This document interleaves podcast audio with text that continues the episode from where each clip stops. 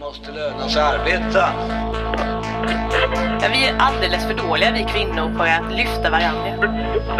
Tycker du att det är rättvist att du kan få rutbidrag för bartenders? Just nu tror jag att det är vi som är den starkaste den, av den svenska modellen. Avundsjukan i det socialdemokratiska idealsamhället är ju större än sexualdriften. Välkomna till Arbetsvärldens podd fredagen den 23 februari 2018. Arbetsvärlden är TCOs webbtidning. Vi vänder oss till alla som är intresserade av arbetsmarknadsfrågor. Den här podden kan man lyssna på som en vanlig podd där poddar finns. Eller så kan man se oss på Facebook live varje, varannan fredag kvart över tre. Ehm, vi som är med i programmet är Britta Lejon, ordförande fackförbundet ST som Ja. är till för statligt anställda tjänstemän. Ja, och vi har lite medlemmar privat också, men mest staten. Mm. Samuel Engblom, samhällspolitisk chef på TCO, Tjänstemannens centralorganisation. Och jag, Mikael Fältbom, chefredaktör på Arbetsvärlden. Hörrni, i veckan så presenterade finansminister Magdalena Andersson konjunkturläget. Det gick bättre än väntat, överskotten växer. Samtidigt så rapporterar SKL, Sveriges kommuner och landsting, att eh, välfärden skriker efter folk och pengar. Är välfärden underfinansierad? Det ska vi prata om. Sen så rasar Sverige kraftigt i Transparency Internationals index. Har vi blivit ett mer korrupt land? Vad beror det på i så fall? De nämner Fastighetsverket, Transportstyrelsen, polisens passupphandling. Nu pratas det om Nya Karolinska. Macchiarini finns med. Eh, och sen kom det också förslag om eh, karantänsregler från regeringen. Aktuellt ämne som vi tänkte vi skulle prata om. Sen ska vi som alltid prata om vår satir som denna gång handlar om Bert Karlsson och KD. Och sen så finns tid för lite spaningar på slutet. Hörni, eh, det här med eh, eh, Magdalena Andersson och konjunkturläget. Eh, Sparandet ökar mer än väntat. De senaste årens finansiella sparande är 55 miljarder per år ungefär. Statsskuldskvoten är på väg ner mot 24 procent av BNP under den här mandatperioden. Vilket ju i ett internationellt perspektiv är väldigt lågt. Ehm, invandrare får jobb snabbare. Eh, Det går bra helt enkelt. Samtidigt med den här utvecklingen då så gick SKL ut och varnade i två rapporter här för att det behövs åt- 187 000 lärare fram till eh, 2031 och att 62 miljarder saknas i välfärden nästa mandatperiod. Ja, kommuner och landsting vill inte höja skatten ytterligare och välfärden skriker efter folk och pengar. Jag tänkte att man kan spalta ner det där till tre grejer möjligen. Ni får svara på om man ska göra ett, två eller tre. Oj, Man tänker om man tycker något annat då. Ja, då får man säga det också. Man kan antingen, antingen kan man ju eh, investera mer. Alltså det tuffar på som vanligt men man, man minskar inte statsskulden lika dramatiskt utan man investerar mer i välfärden. Eller så kan man höja skatten. Det är alternativ nummer två. Eller nummer tre tänkte jag, man kan fundera på den här relationen mellan kommuner och stat. Vem ska stå för vad egentligen? Vad, vad är ni mest sugna på? Ettan, tvåan eller trean? Alltså för mig är det lite svårt att svara bara en av de där grejerna. För mig handlar det om både och. Både eh, nödvändiga investeringar i välfärden av flera skäl och eh, därmed sammanhängande eh, skattefrågor. Vi har, en, vi har ett fantastiskt läge, så, precis som du beskrev. Helt otroligt eh, outstanding, jättepositivt. Men, och vi har, eh, men vi har, precis som, som SKL beskrev, stora problem som väntar runt hörnet. Vi har en växande befolkning. Eh, men vi har inte investerat särskilt mycket mer i välfärden. Utan istället så är det kvinnorna, skulle jag vilja påstå, framför allt kvinnorna i välfärdssektorerna som betalar priset av underinvesteringarna. Det är alla de eh, som jobbar inom äldreomsorgen, inom vården överhuvudtaget, i skolan, socialsekreterarna, också mina medlemsgrupper som finns inom till exempel vårdande yrken, inom SIS och inom Migrationsverket, Arbetsförmedlingen och Försäkringskassan. Ofta kvinnodominerade grupper med relativt styrda arbetsinnehåll som sliter som fan och där sjuktalen ökar. Eh, sjuktalen ökar och eh, de har för få kollegor. Ja, vi vet ju att, eh, att stressen och arbetsbördan är det största arbetsmiljöproblemet på svensk arbetsmarknad idag. och det beror på att det har varit för det, de ska klara ännu mer än tidigare eh, och eh, får inte fler kollegor. Den, den ekvationen går inte ihop. Mm. Men jag menar inte att vi har råd att eh, öka skatterna på vanligt folk. Det är inte det jag säger. Eh, utan vi måste hitta andra vägar. För i den värld vi lever i nu när allt mer av robotar kommer och liksom göra allt mer av jobben. Så måste vi se till att människor, att vi har råd att anställa människor att det, och att det går att försörja sig på sitt jobb och att man liksom inte betalar för mycket skatt när man har vanliga inkomster. Så jag ser istället att vi måste tänka på lite andra skattebaser. Och vilka är det då? Ja, en sak som inte flyttar på sig och det är ju väldigt viktigt i det här sammanhanget. Det är ju fastigheter. Jag menar att på lång sikt är det ohållbart att Sverige, till skillnad från så många andra länder, inte beskattar fastigheter. Och jag vet att det här är högst impopulärt bland politiker. Eh, men i den värld vi lever i idag Eh, så måste vi se eh, om vårt hus om vi ska kunna på lång sikt finansiera en välfärd. Och det tror jag vi vill. Eh, och vi kan inte höja skatterna för vanligt folk hur mycket som helst, det går inte.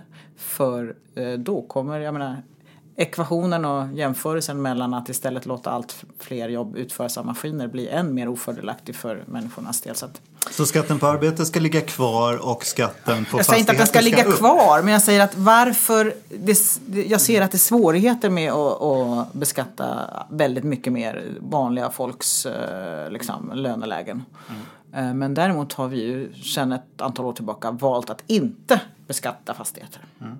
Samuel? Ja, jag tror att det ligger väldigt mycket i det som Britta säger. Jag tycker det är viktigt att man, när man pratar om just finanspolitik och budgetunderskott och hur, det, liksom, hur ser skattebaserna ut. Och sånt. Det är väldigt lätt att man hamnar i väldigt stora siffror som är ganska svårgripbara. Eh, och dessutom så tror, blir det ofta en kraftmätning mellan politiker där om vem, om vem som är mest restriktiv. Vi kunde se direkt så var eh, när Magdalena Andersson har varit ute och sagt det här så är hon väldigt, hon är väldigt försiktig. Hon sätter ett väldigt bra läge men det finns inget utrymme utrymme för stora skattesänkningar. Och då är direkt oppositionen på henne och säger att eh, eh, titta, vi har en högkonjunktur och ändå har Sverige inte bättre finanser än så här. Mm. Så där finns det, det finns en väldigt sånt starkt. Och då tror jag det är viktigt att göra det som Britta gör, det vill säga säga, okay, men vad betyder det här då? Eh, eh, vad får det för effekter i till exempel välfärden om vi inte får fram tillräckligt med resurser till välfärden. Eh, men det, det, det här läget är ju det. Vi har eh, goda eh, offentliga finanser på det stora hela taget. Staten framförallt har goda finanser. Vi har, men samtidigt har vi då växande behov och kommande behov i välfärden. Eh, och dessutom då inte utrymme för några stora skattesänkningar. Men vi har inte heller möjlighet att höja skatter hur som helst och mycket beroende på omvärlden också. Och, eh, så. och då hamnar vi i det här läget. Vad då måste vi kanske se över hur vi beskattar. Och då är det som Britta nämnde här till exempel att beskatta fastigheter och fastighetsskatt. Det är alla ekonomer överens om att det är en jättebra skatt. Det är en orörlig skattebas. Hus kan inte flytta utomlands. Men samtidigt väldigt svår att beskatta. Och det är väl lite där som jag tror att det blir viktigt att ska man göra någonting åt Eh, eh, skatterna så behöver man göra mycket på en gång. Det är därför man behöver en stor reform och det är därför som TCO och många andra säger att man behöver en stor reform där man kan baka ihop ett antal saker. För annars kan ju politikerna låsa sig i de här att ja, ingen vågar idag säga att man bör beskatta fastigheter eh, som ett förslag därför att man vet att det skulle kosta politiskt. Då skulle de andra hoppa på det. Men gör man det som en del av ett paket för samtidigt tror jag att de flesta är överens om att skulle man uppfinna bostadsbeskattning på nytt idag så skulle den inte se ut så som den gör idag. Vi skulle inte ha de ränteavdragen och vi skulle inte ha framförallt inte ha så låg beskattning av fastigheter. Sen när det gäller kommunerna så, så, så man bör nog titta på hur skatteutjämningen fungerar eh, och också fundera på vad är det, för nu är det ju så kommunalskatterna har ju höjts i väldigt många kommuner på senare år medan den statliga skatten ligger still. Och det är ofta den statliga skatten som den politiska debatten handlar om. Mm. Det är den som man diskuterar mycket där. Men, men det kanske är så att, att, att man, kommunerna ska inte ta ut så mycket mer utan staten ska, att pengarna ska komma, att man ändrar den fördelningen på något sätt. Men ni, vill, ni duckar liksom den här frågan om det totala skattetrycket? Nej, alltså jag vill inte ducka för den heller. Jag tror att vi, må, vi måste inse att uh, det totala skattetrycket, just mot bakgrund av att vi har en växande befolkning, Eh, vi har, eh, visserligen har vi ju en enorm hjälp av att allt fler kommer i jobb. Det är ju därför jag menar, överskottet i finanserna ser ut som det gör.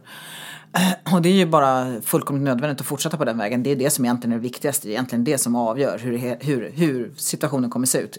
Är folk i jobb eller är de inte det? Det är egentligen allra viktigast. Men eh, jag tror att på lång sikt måste vi nog också eh, se att eh, ska vi klara av att möta de nödvändiga behoven som välfärden ställer utan att slita ut alla dessa kvinnor som idag blir sjuka på jobbet eh, så måste vi fundera eh, över den ekvation som vi har nu. Mm.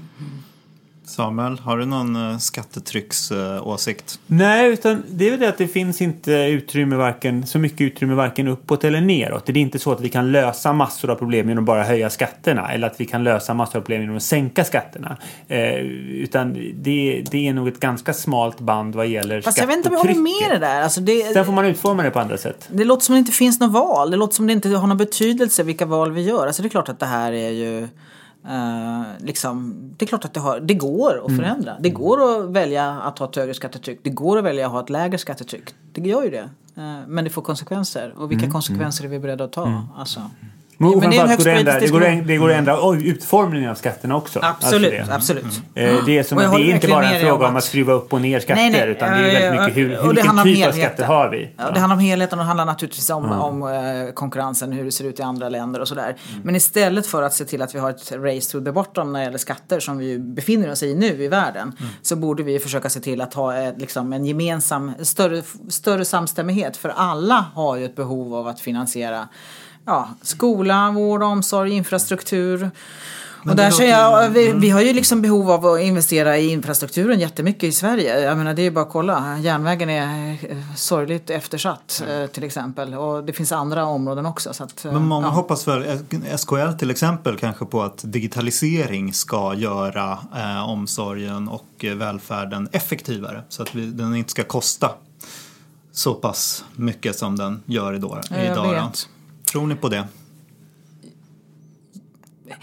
Mina medlemmar ser kanske digitaliseringen mest som ett hot. Jag tror att många idag som är, jobbar på jobb som går att ersätta med robotar, man ser att det kommer att vara möjligt framöver. Eller åtminstone att det egna jobbet förändras i väldigt hög grad och väldigt mycket färre kommer att ha den typen av jobb.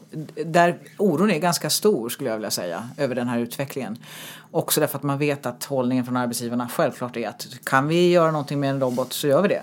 Men i Eh, makrotermer då? Kan det, kan det, kan det slå igenom? Kan det göras? Kan det bli billigare? Så, alltså, så enkelt är det inte. Nej, men så producer, alltså, varuproduktion, då är det klart att automatisering har gjort att det blir billigare att producera saker. Det kan man se. Men det som är saken med den offentliga sektorn är dels är det tjänsteproduktion och där är de sambanden inte lika Ja, tydliga. Man brukar säga att det är väldigt svårt att ha effektiviserat kostnaden där ja, Ja. bomoll-effekten, Och, och, och att det dessutom, växer hela och tiden. dessutom men- är ju det också, jag menar framförallt när man tänker vårdsektorn, det är också en verksamhet att när det kommer ny teknik, då kan vi göra mer saker, då kan kostnaderna snarare stiga.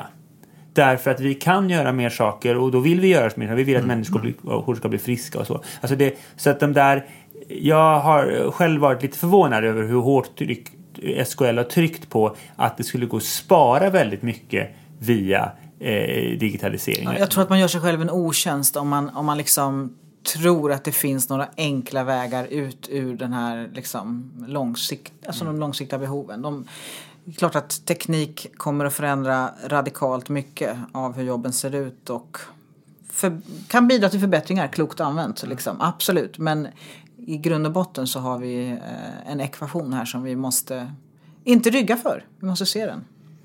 Bra. Hörrni, eh, den andra nyheten här då eh, var ju att Transparency International bedömer att Sverige är idag det mest korrupta landet i Skandinavien.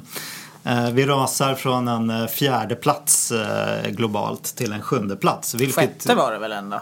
Var det sjunde? sjunde, sjunde. Ja, ja, Mm. okej. Rasa och rasa men... Mm. Ja, men det var, det är, jag tror att alltså, i poäng så rasar vi eh, mer, alltså det, det är bara jämförbara data bak till eh, 2012. Men det, då är det ett ganska stort ras poängmässigt för Sverige. Så att det ändå, det har hänt Mm. Ja, ja, någonting. absolut. Så är det ju. Ehm, och eh, som viktig förklaring då lyfts av näringslivet upp att man upplever korruption i offentlig upphandling. Och eh, Transparency Internationals ordförande i Sverige då lyfter de här korruptionsskandalerna på Statens fastighetsverk, Transportstyrelsen och polisens upphan- passupphandling. Ehm, har vi mer korruption i Sverige idag än vi har haft förut? Ja eller nej? Svårt att svara på. Det verkar så, skulle jag vilja säga. Men eh, sanningen är ju den att vi kanske har haft lite mer av den varan tidigare än vad vi kanske har sett. Alltså jag tror att, eh, ett, det är så otroligt viktigt hur väl staten och också kommunerna funkar. Alltså, vi kan inte överskatta värdet av en väl fungerande stat. En som är icke-korrupt och rättssäker och effektiv. Eh, det är bara att se sig om runt om i världen så ser vi hur det ser ut. Där, där vi har sönderfallande stater, där blir det bara elände. Så att det här är superviktigt. Men jag, jag vill nog ändå börja med det konstaterandet att Sverige har en oerhört välfungerande statsförvaltning. Men de senaste åren har vi sett allt ifrån dåligt omdöme till direkta brottsliga handlingar som har begåtts i eh, statlig tjänsteutövning. Och där Statens fastighetsverk och skulle jag vilja säga KI Macchiarini-skandalen är väl de två av de värsta liksom, exemplen. Mm. Jag tror så här, det här är ju ett, eh, det här indexet heter ju Corruption Perception Index. Alltså det är upplevelsen av korruption. För det är klart så mycket kan inte hända på ett år eller två år. Eh, så att det är en upplevelse. Vi har haft mycket, det har blivit upp, många uppmärksammade fall. Och då kan det bli så att då blir ju fler journalister gräva i samma typer av saker så det kan ännu mer uppmärksammas. Eh, men även om det bara är en sån effekt, om det bara är en upplevd ökning så är ju den ett problem därför att den urholkar förtroendet. Exakt. Ja, så där finns det ju ett, ett, ett, ett, ett, så, helt klart ett sånt problem. Ja, vi hade ju, jag menar, Britt-Marie Citron som avslöjade liksom, kommunala skandaler. Alltså det är ju inte så att det aldrig har uppmärksammats tidigare. Men Sverige har gudskelov haft, varit förskonade från väldigt mycket av den här varan och jag vill nog påstå att vi fortfarande har väldigt bra offentlig förvaltning. Men det här är otroligt viktigt att hejda innan det blir, innan, det, innan vi hamnar i en situation som, som vi inte ska hamna i. Och därför måste vi ta de här eh, händelserna som har ägt rum på allvar och vidta åtgärder som faktiskt förändrar situationen till det bättre. Vad beror det på då? Det är lätt att tänka att det handlar om marknadisering och att eh, staten nu är väldigt mycket, och kommuner är väldigt mycket uppdragsbeställare och att det blir lätt då att ja, man får väldigt mycket anbud och hela den här Mm, Jag tror att det beror på flera upphandlingsapparaten, saker. Det ska bli intressant att höra vad Samuel har att säga. Men f- fr- från vår sida, från STs sida, vi jobb, har jobbat stenhårt med de här frågorna eh, alltid och gör det fortfarande. Vi har ju en del eh, Eh, vi, vi ser ju en del saker som vi tycker att vi inte har iakttagit förut. Bland annat en sämre kunskap om liksom, ansvaret när man, som man har när man jobbar i staten. Eh, förr jobb, var att jobba i staten en livstidsuppgift. Liksom. Idag kommer folk ut och in. Eh, vi har inte längre den typ av utbildning som en gång i tiden fanns för statliga tjänstemän. Och vi har också chefer som har eh, inte ägnat hela sitt liv åt den svenska statsförvaltningen utan kommer från andra håll. Man har lite, alltså helt klart det är många som inte fattar att de befinner sig där de befinner sig i staten och att det följer ett särskilt ansvar med det. Alltså, så vi har ju föreslagit att man ska införa en obligatorisk statstjänstemannautbildning för alla, inklusive chefer, och också ha en vidareutbildning. Därför att vi ser att behovet av att öka kunskapen om det särskilda ansvaret i staten, måste, alltså det finns där. Sen tror jag vi måste göra en del andra saker och du var inne på det här med upphandlingarnas betydelse och sånt där. Så att, men vad, vad tror Samuel att det här handlar om? Det är en sak till eh, så jag tror att vi kan se fler sådana här situationer. Det är också inte bara det, för staten har alltid och det offentliga har alltid köpt saker. Men idag köper man, man köper tjänster och man köper lösningar snarare va, än varor och en byggnad. Det blir de här långa utdragna relationerna. Och man kan säga långa utdragna relationer Ja, då knyts det band mellan människor. Eh, vi hamnar kanske i ett läge där eh, de, det företaget som var med i den första delen av någon process har stora fördelar vid upphandlingen av nästa del. Kanske till och med har varit med och liksom lite grann designat den upphandlingen. Sånt kan ju liksom inträffa. Det kan också knytas vänskapsband givetvis i såna, den typen av relationer. Eh, och det kan också vara så att det, det ökar nog också risken för att människor går emellan. Det här att man jobbar på ett ställe först och sen på ett annat ställe och sen kanske tillbaka. Alltså det här, den typen av situationer. Därför att det är en annan typ av relationer än det här klassiska att vi köper, nu ska, nu ska vi köpa eh, cyklar till eh, försvaret och så köper vi cyklar till Ja, det är försvaret. lättare att mäta liksom. Ja, och, och nu blir det en annan typ av mycket mer relationsbaserat och då, då, då ökar ju risken för den här typen av, av saker som vi har sett. Va? Eh, sen så tror jag det är viktigt här, jag, jag håller helt med Britta om att jag tror att man skulle behöva någon form av sån här, eh, nå- någonting som tydligt markerar att det här, eh, staten men även kommunerna, är myndigheter, är någonting annat. Eh, Men i de här fallen när man har sett, är det verkligen utbildning som är problemet? Men så, men så är det ju. Alltså, jag tänkte precis komma det. Alltså, det är ju ofta, ofta in, äh, inte alla, det ser, ser lite olika ut. Men det, har i flera fall varit människor med hög utbildning som har visat ett otroliga brister i omdömet. Så, och omdöme, eh, ja. Det, men det, vad vi menar är att det, och det fin, men det finns några av de här exemplen är också folk som faktiskt inte har djup kunskap om stat, statlig förvaltning. Så att jag är helt övertygad om, vi är helt övertygade om att vi skulle åstadkomma mycket i form av fokus på, på rätt saker, på det statliga ansvaret som statstjänsteman, på värdegrunden för staten och liksom regelverket och lagarna genom att ha den här typen av utbildningar. Men det finns två saker jag vill lyfta upp också som vi också har sett har blivit förändringar. Eh, och jag menar, det finns ju någon anledning till varför vi har en grundlagsregler kring att stat, de som jobbar i staten har rätt att larma medier om missförhållanden om man inte har fått dem åtgärdade internt. Den, den, den grundlagsregleringen till skydd för statliga tjänstemäns öppenhet är ju otroligt viktig. Det är liksom en av, våra, en av vår historias eh, viktigaste arv att värna om inför framtiden. Öppenheten, att det är högt i tak. Men även om man har en grundlagsreglering till skydd för detta, om du som statligt anställd inte känner dig trygg i din anställning, om du har en otrygg anställning, alltså, och då är det ju så att då vågar man inte i samma utsträckning vara, eh, påtala missförhållanden. Eh, vi har ju i flera av de här fallen som har ägt rum, är det ju så att anställda har känt till pusselbitar. Eh, och man har inte vågat berätta om de pusselbitarna man har sett. Eh, vilket har gjort att saker har fått gå, fortgå alldeles för länge. Alltså att ha öppenhet, att ha högt i tak, att ha en ledning som, som liksom, eh, verkligen uppmuntrar detta. Och att ha trygga anställningar är viktigt. Jag tänker lite på metoo och hela den här... Ja, exakt, det eh, hänger ihop med det. Men också hur mycket kan man göra innan? Hur mycket kan man jobba med värdegrund och de här bitarna och utbildning och så vidare? Och hur mycket handlar det om att ens handlande får konsekvenser? Att om det liksom upptäcks så blir man straffad eller åker ut på något sätt. Alltså vi, jag, känner, alltså, jag tänker på i metoo fallet så är det väl ganska ofta så att eh, de här människorna har Alltså många har vetat vad som har hänt men det har inte fått några konsekvenser och då har beteendet snarare förstärkts än att liksom brytas. Ja, nej, men det handlar ju om brister i ledarskapet när man inte tar hand om sånt där. Och det, är- alltså, när man tänker metoo så är det också tydligt att men där finns det ju faktiskt regler. I diskrimineringslagen och i arbetsmiljölagen. Som i många av de här fallen är det väldigt uppenbart att arbetsgivaren inte har följt. Därför att man har fått reda på saker som man sen inte har utrett, trots att man har den skyldigheten. Så där är det ju inte så att ja, vi måste diskutera vad vi har för värderingar. Nej, Nej. ni behöver följa lagen. Nej, exakt. Och det tänker jag gäller ju också en del av som Britta tar upp kring, kring oegentligheter som vi har sett i den offentliga förvaltningen. Ibland är det här, det här är då inte gråzoner vi pratar om, utan det, det, finns, eh, det finns faktiskt lagar. Eh, och de ska följas. Och det är väl lite där jag tror också det här med en, en utbildning för statstjänstemän initialt. Det är den typen av saker som man behöver inympa och inympa hela sitt, i, hela organisationen. Fler som känner att de har på fötterna när de säger att "Där- så här kan vi inte göra. Hörni, vad tror ni om de här karantänsreglerna nu då som kom på förslag från regeringen? Det handlar väl om att ministrar och statssekreterare inte ska kunna ta, eller de ska ha en nämnd då som ser vad de ska kunna ta för jobb under ett år efter sin avslutade tjänstgöring i staten. Är det bra? Är det tillräckligt? Är det för mycket?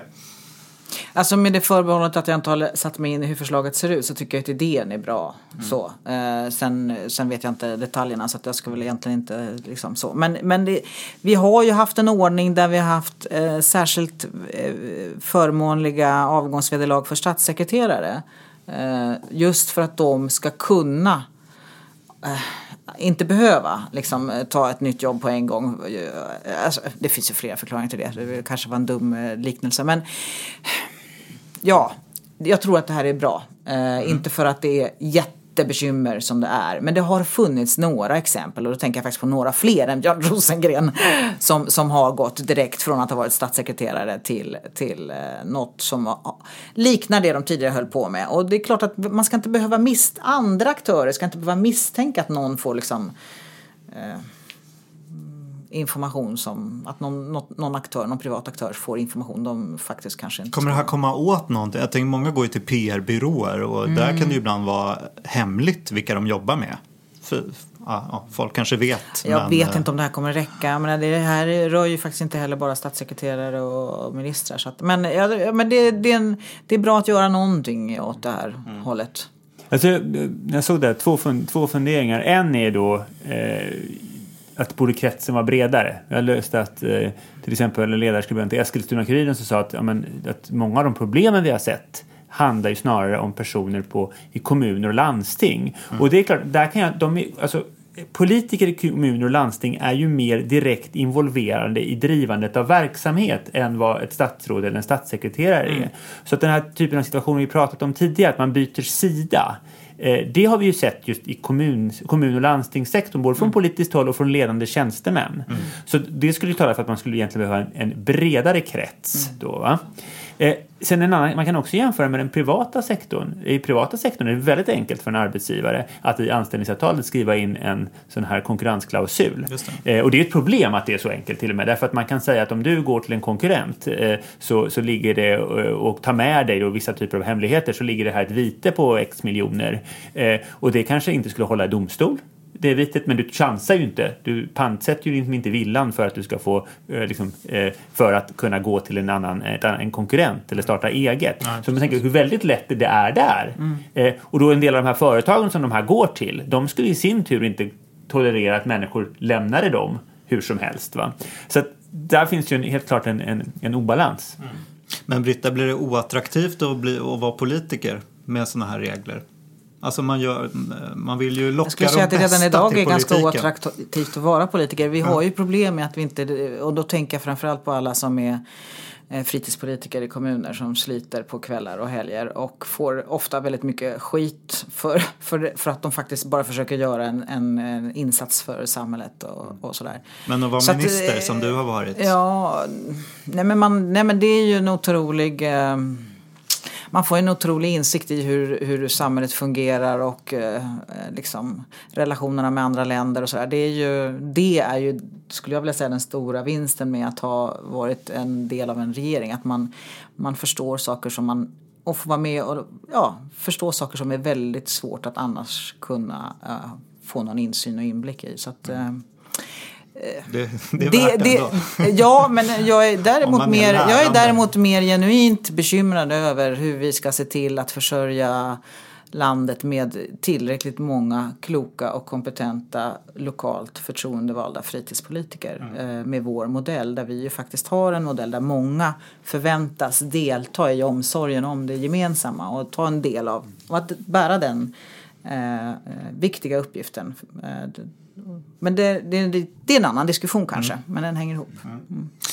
Bra, då har vi eh, klarat av detta ämne för denna gång. Hörni, eh, vi kommer till vårt inslag eh, Satiren. Vi, varje vecka så har vi ju en eh, satir av Lars Berge som heter En jobbig värld. Den här veckan så eh, lyder den så här. Bert Karlsson planerar kristen temapark i samarbete med KD. Eh, samarbetet mellan Bert Karlsson och Kristdemokraterna fördjupas och jag citerar lite här ur eh, projektbeskrivningen. Svenssonland, som den här temaparken då ska heta, eh, är en plats där verklighetens folk kan leva sitt svenssonliv utan att utsättas för kulturelitens förtryck. Här finns inga könsneutrala toaletter, här går man på herrarnas och damernas. Ja, hörni, vad säger ni om det här samarbetet med Bert Karlsson och eh, KD, Ebba Busch Thor. Är det desperat eller? eh, Jag kände, jag kände spontant, jag läste någon intervju med Bert Karlsson eh, där han eh, säger att ja, men jag kommer föra folkligheten till, till KD.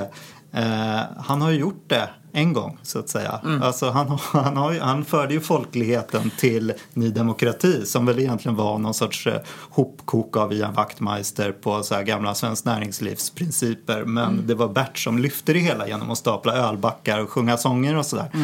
Blir det, är det flopp, flipp eller flopp? Det är ett desperat drag från ett desperat parti, eller ett parti som är i ett desperat läge skulle jag säga. Eh, Men jag tror att det är ganska smart.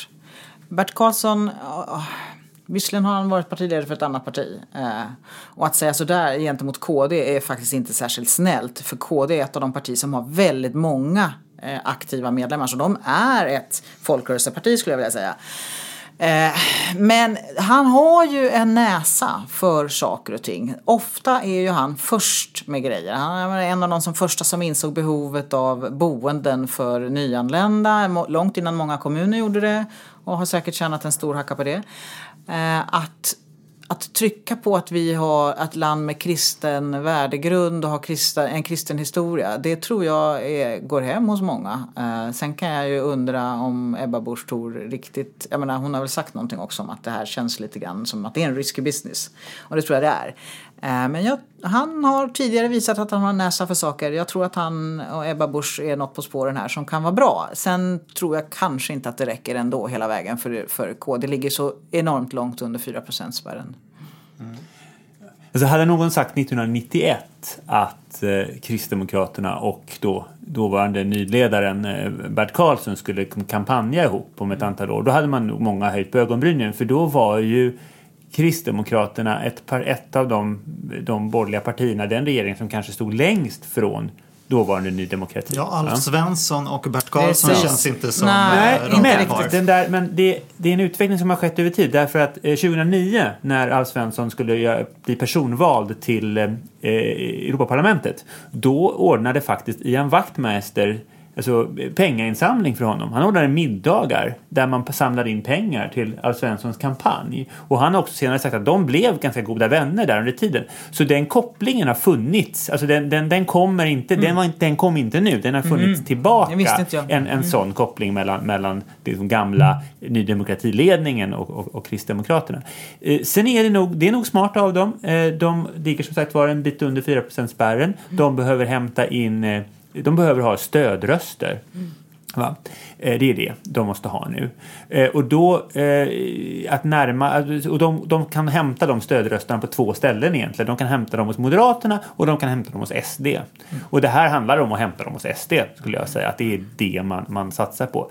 Sen tror jag att internt så är Kristdemokraterna ett ganska splittrat parti. Alltså om man tittar inte så, jag sitter ju med massa opinionsundersökningar och tittar fram och tillbaka och då ser man ibland att vissa partier, då när man frågar dem om vissa frågor så får deras väljare ganska stora så här, spridningsmått. Alltså det blir ganska, de är ganska utspridda. Det är många, en del som säger eh, ja, den tycker jag är en jätteviktig fråga, andra tycker inte alls den är viktig. Eller att man, man tycker att vissa, eh, ja, man håller med om ett visst påstående så finns det lika många som inte håller med om det påståendet. Och de är ett sånt parti tillsammans med Liberalerna där det är väldigt spretar ganska rejält. Va?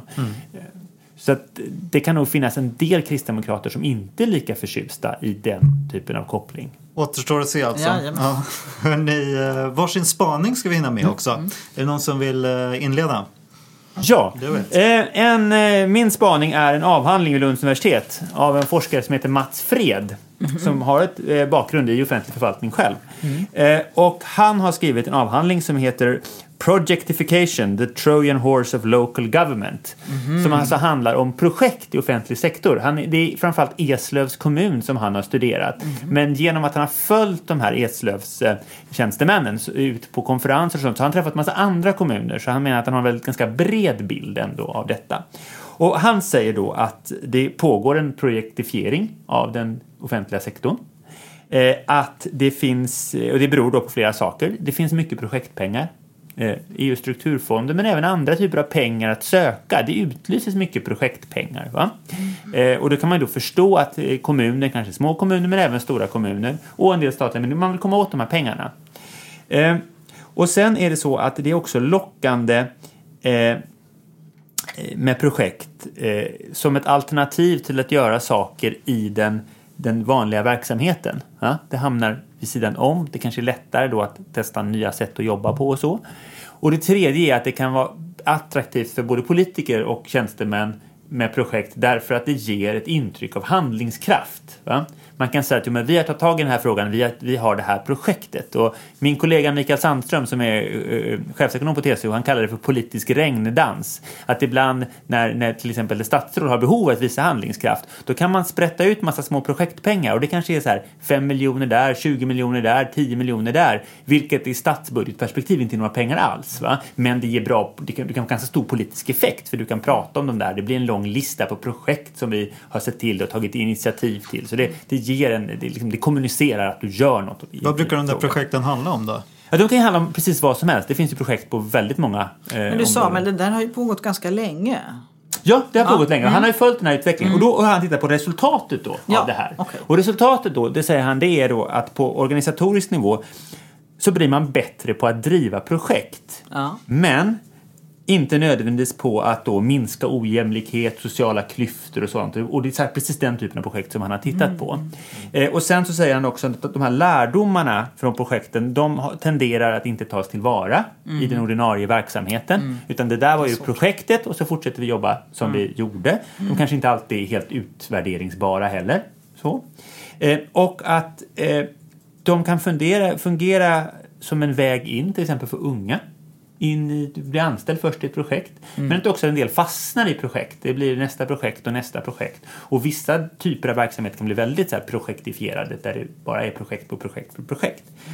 Eh, och jag tänkte min spaningen är väl att det här det är lite det är ganska intressant. Det, det, vi, vi kan lägga ihop det här med kanske en del av det vi pratade om tidigare. Att man, man, man eh, om, om eh, att det nu kommer någon sorts reaktion att, mot en del av de här ibland då sammanblandningar mellan privat och offentligt. Vi har också en, en, en eh, eh, idag har vi en, tycker jag en mycket mer nyanserad debatt om det här med eh, med liksom att lägga ut privatiseringar, lägga ut saker på entreprenad, eh, eh alternativa leverantörer där ingen kan vara lika, det är inte lika svart och vitt längre. Så det kanske, vi kanske går mot en trend där man kanske har lekt klart med vissa saker och att det faktiskt kommer bli större fokus på så här, den ordinarie verksamheten. Det vi gör här, alltså en seriositet i, ju i, bra. i förvaltningen. Eh, Ja, det, så. kanske ger, det kanske hjälper till att ge projekt ett dåligt namn, liksom. dåligt rykte. Men Man ska tänka två gånger. Vad är det vi ska göra? Är det ett projekt vi ska göra? Eh, och det har sina då, vi kan få externa medel, vi kan kommunicera att vi gör det. Eh, vi kan, det är kanske är enklare att jobba på nya sätt. Eller är det så att vi behöver göra en liten förändring i den ordinarie verksamheten? För det kan ju också ibland när man ska förändra ordinarie verksamhet, då, ska man, då tar man i så fruktansvärt. Man ska göra en jättestor förändring och hela organisationen ska genomsyras. Va?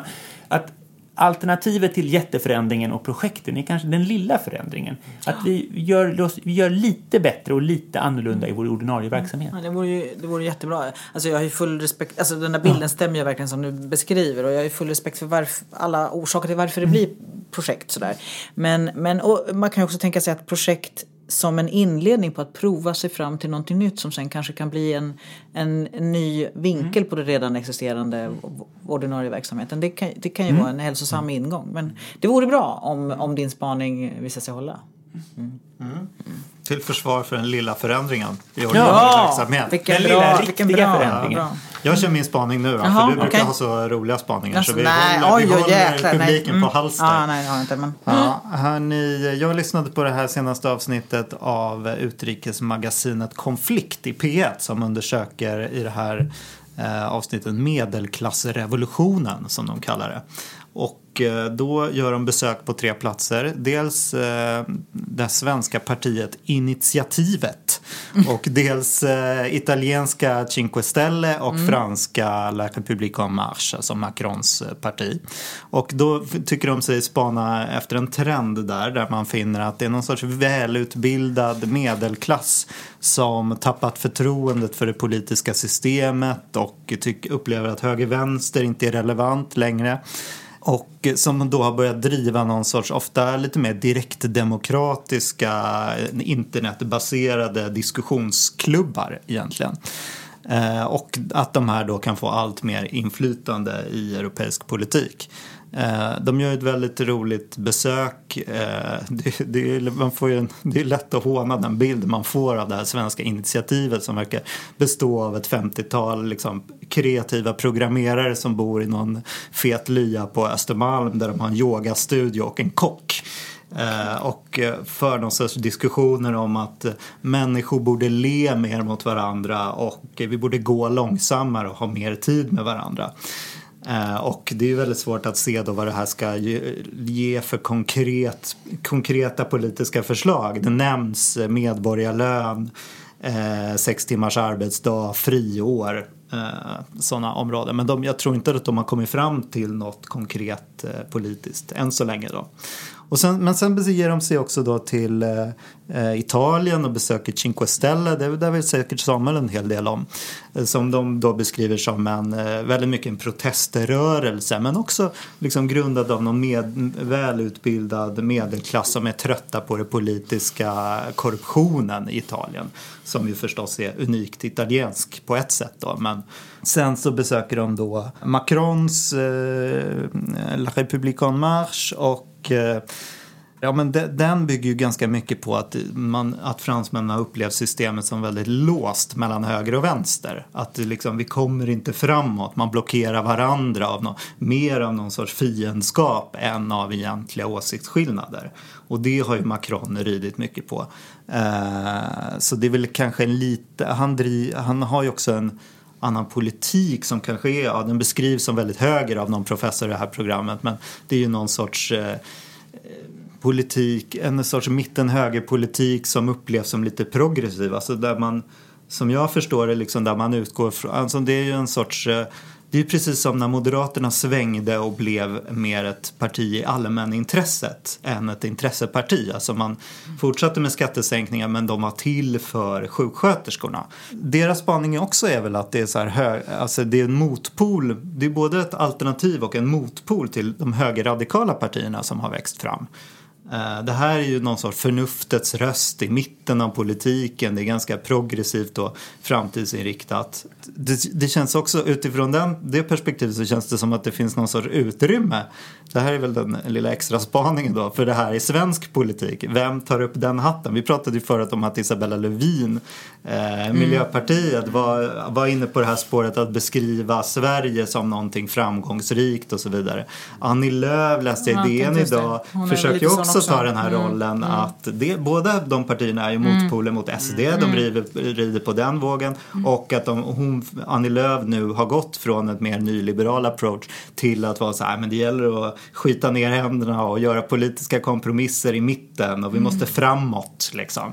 Att det finns ett utrymme att ta här och det låter ju lite som en TCO, det låter ju, Macron pratade vi om förra avsnittet, det låter ju lite som en så här tjänstemannafackens dröm också att ha någon så här rationellt perspektiv som är lite i mitten och som inte eh, liksom erkänner intressekonflikter så himla tydligt. Uh, vad säger ni? Är det här mm. TCO som politiskt parti, är det, är det ett sånt här mittenparti? Alltså, jag tror så här, man tittar på de här rörelserna. Jag, jag var lite förvånad att de, de, de klumpade ihop de här, för det är ju väldigt olika fenomen. Alltså, Movimento Cinque Stelle är ju Alltså, det är ju som sagt det är den här Beppe Grillo som är komiker som drog igång det. Eh, och det var, ju, det var ju verkligen ett uppror, men ett uppror utan innehåll. Det, alltså det började med en låt som, som, är, som eh, i, i stort sett bara alla drar åt helvete. Den hette så. Mm.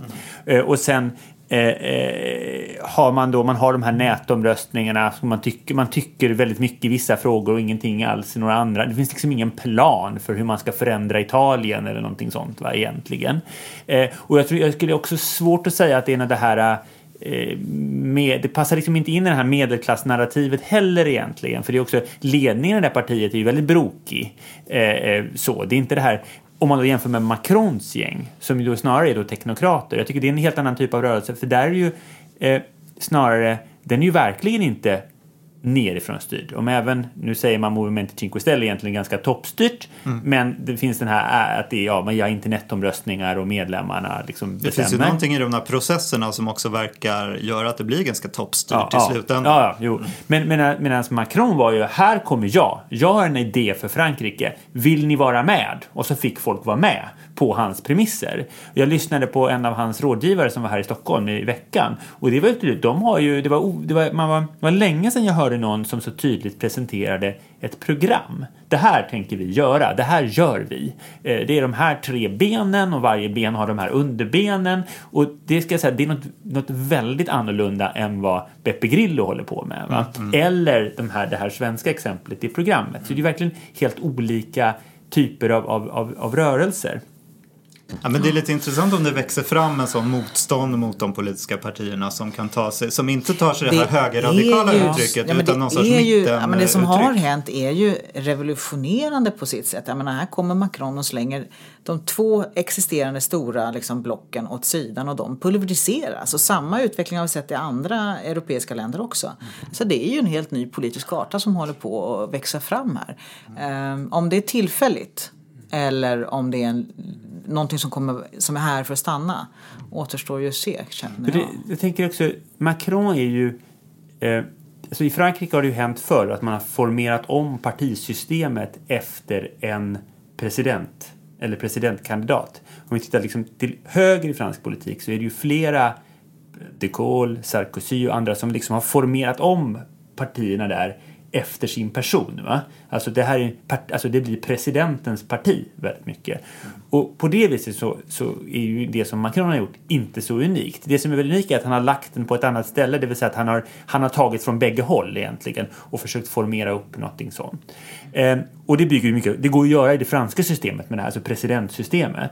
Italien, då kan man säga att rent politiskt så stod ju den förre premiärministern Renzi ganska nära Macron. Han var egentligen en föregångare till Macron före, Macron, före Macron. För han ville också då eh, rensa, liksom, han skulle rensa ut Socialdemokrat som vill eh, förändra arbetsmarknaden. Ja, eller plocka in, och plocka in folk från lite, inte, alltså han skulle, de gamla partikoryféerna skulle ge med, liksom, få ge vika och han tog in sitt gäng och det var det, för Italien så var de, det var ju flera som var under 50 i regeringen. helt revolutionerande. Ja, helt revolutionerande. Va? Och så här, så att, så att han försökte ju med den typen, men det italienska politiska systemet där finns inte det utrymmet att göra det som Macron har gjort. Alltså han, han är ju hjälpt av institutionerna. Och det finns ju inte i Frankrike eller i Sverige heller. Alltså, det är klart att alltså, skulle...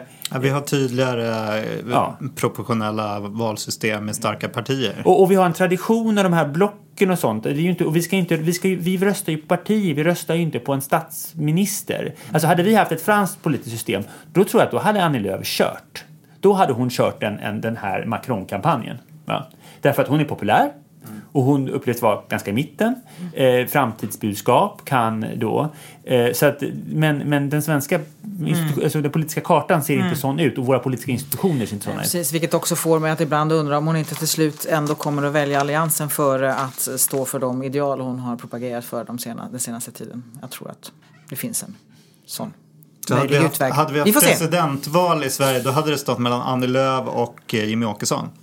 Uff, Det beror på hur, vilken typ av eh, presidentval. Alltså hade vi haft ett då vet fram- jag vad jag hade röstat på i alla fall. Jag, men Ja, nu, nej, men nu befinner vi oss inte i det läget. gudskelov. Ja, hörni ni. ehm, ja, vi får väl se även där då vad som kommer hända framöver med medelklassen och de politiska kartorna i Europa och i Sverige. Mm. Ska jag ha, du, det var väldigt snällt sagt av dig att säga att jag har roliga spaningar. Det har jag inte. Jag har ju fått, förstått att både du och jag har fått klagomål efter min senaste spaning. Eller hur? Oh, yes.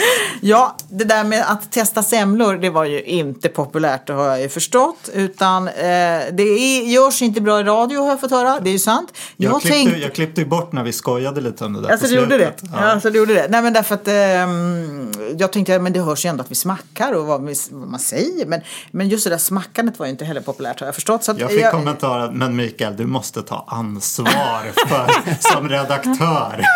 Jag lovar här med det blir inga mer semmeltest. Eh, Jag tänkte nu, och det här är, den här spaningen höll på totalt fallera idag.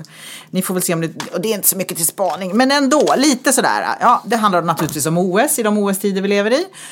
Eh, och eh, det har ju ändå diskuterats lite grann, även om det idag nu börjar se lite bättre ut. Men hittills är det ju ändå så att eh, det har gått väldigt mycket bättre för damerna än för herrarna i OS. Jag tror att det är 8-3 än så länge, när vi räknar medaljer. Och då kan man ju fundera, vad beror det här på då? Ja, en teori som har framförts är ju att det beror på ett vallafiasko. Det är ju till och med så att chefen för Valla-teamet har bett hela svenska folket om ursäkt. Men nu handlar inte alla medaljer om liksom sånt som förutsätter valla på det sättet. Så att jag tror inte riktigt att det är ett vallafiasko. Eh, en annan teori man kan fundera på, är det så att Sverige även här har fördelar av sitt jämställdhetsarbete? Att Sverige tidigare och mer seriöst har satsat på kvinnliga idrottsutövare än vad andra länder har gjort och att vi därför har en komparativ fördel. Medan alltså vi, det är inte riktigt samma högre utsträckning så när det gäller den manliga sidan. Mot det talar ju att vi faktiskt har män som tar medaljer och vi har ganska många framgångsrika manliga idrottsutövare och gruppidrotter. Jag tänker till exempel på fotboll och ÖFK. Jag menar, ja, så vi behöver inte bara hålla oss till eh, eh OS så. Så att jag tror kanske att det bara möjligtvis är en liten del av liksom, bidragande faktorn. Då.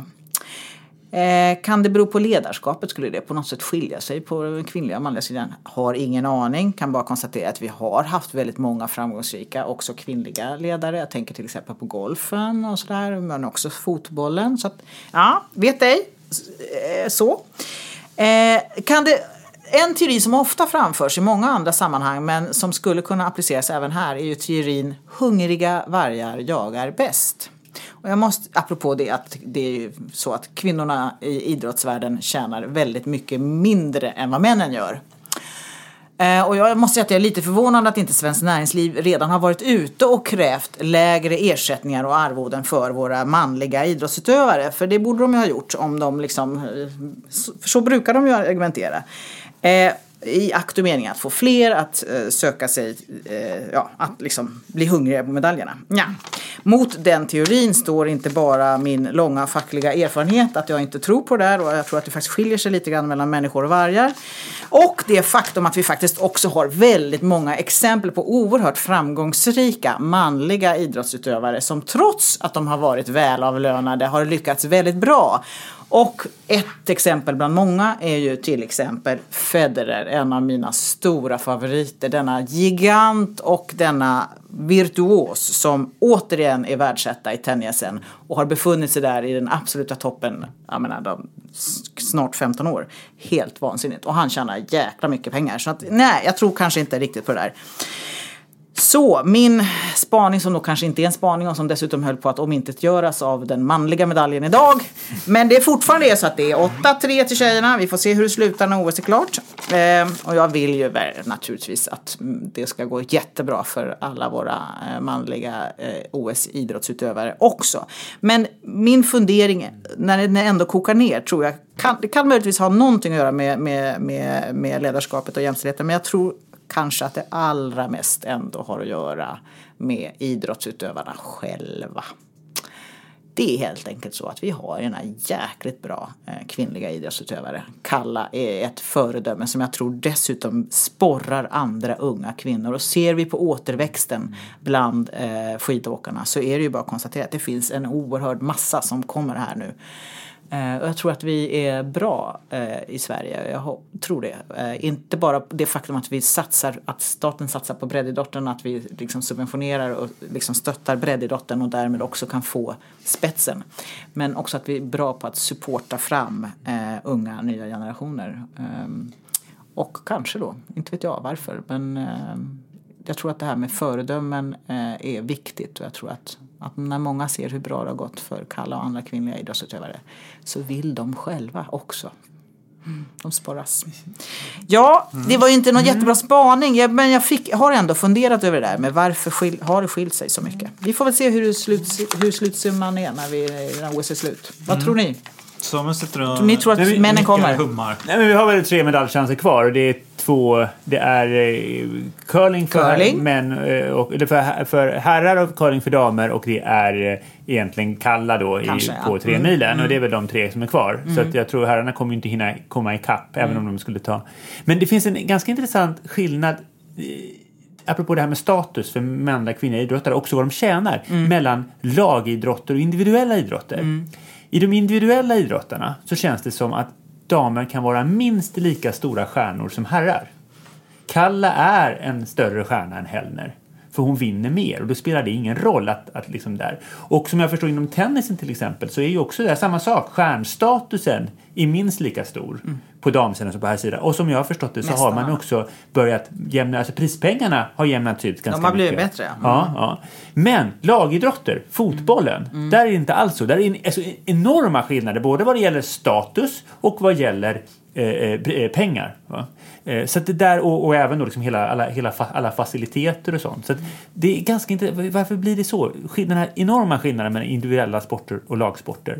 Och då är OS ganska demokratiskt, för i OS ett guld är ett guld. Och vi struntar i om det kommer i liksom, eh, ja, vem, könet på den som tar det eller vilken sport det är. Liksom. Skulle Tre Kronor vinna eh, ho- ett hockeyguld så är inte det mer värt än, än liksom att eh, Stina Nilsson tar ett guld i sprint. Va? Därför att ett guld ett guld. Det finns något härligt demokratiskt med OS tycker jag. Och plötsligt bryr vi oss om idrotter som vi annars inte bryr oss om. Ja, det, lig- det ligger mycket. Just det, men är varumärket högre på ett manligt lag än ett kvinnligt lag? Alltså är med, betraktas, kan man fundera i någon sorts kulturella termer om hur vi ser män som lag men kvinnor som individer? Och kanske också lite beroende på vilken sport. Alltså lite, alltså, fotboll är fotboll liksom också. Men hockey? vänster, eller hur? Mm. Alltså att det handlar om sporter där så många Mm. utövar och många har egen erfarenhet av och många kan någonting om och också kan då värdera insatsen och se där är några som gör det jäkligt bra helt enkelt. Så, så Jag man vet säga inte, de, där nordiska, är... de nordiska länderna och Kunde inte någon forska om det här? Det kanske Jo, de har men, gjort. det, kan säga, men att de nordiska länderna till exempel och, och eh, har ju i väldigt många idrotter varit väldigt framstående på damsidan. Om vi tar fotboll så. Men nu kommer andra länder ikapp. Eh, och det tror jag är ett, det är ett gott tecken eh, för, för världen. Alltså att vi ser att, att jag menar, det är inte så att svenska lag, kom, svenska liksom, lag kommer inte spela i Champions League-final för damer eh, på det viset som de har gjort om vi går tillbaka ett antal år. Och det kan vi tycka är jättesynd. Men vad är förklaringen? Jo, det är för att sporten har blivit så pass stor i Frankrike och i, i England att de lagen satsar rejält. Och då, kommer, då, då, då har vi tappat våran fördel. Men det är på något sätt en del av en positiv utveckling. Absolut. Bra, vi slutar på en uh, on a happy note. Yes. Mer Hörrni- guld till Sverige. Hörni ni, eh, vi ska tacka Anders Ljung som faktiskt kommer, eh, inte bara har gjort eh, den här lilla jingeln utan också ska klippa eh, programmet i efterhand. Och eh, kommer klippa podden framöver. Eh, vi vill också ha era åsikter och tankar. Vad borde vi prata om? Vad undrar ni över? Vad säger vi som är rätt och fel? Eh, tagga Arbetsvärlden på Twitter och eh, ni kan ju också gå in på den här eh, livesändningen på Facebook och skriva kommentarer där för den ligger ju kvar i efterhand. Ehm, vi finns där poddar finns. Gå in och ge oss höga betyg på iTunes och vi hörs om två veckor. Mm, tack för idag.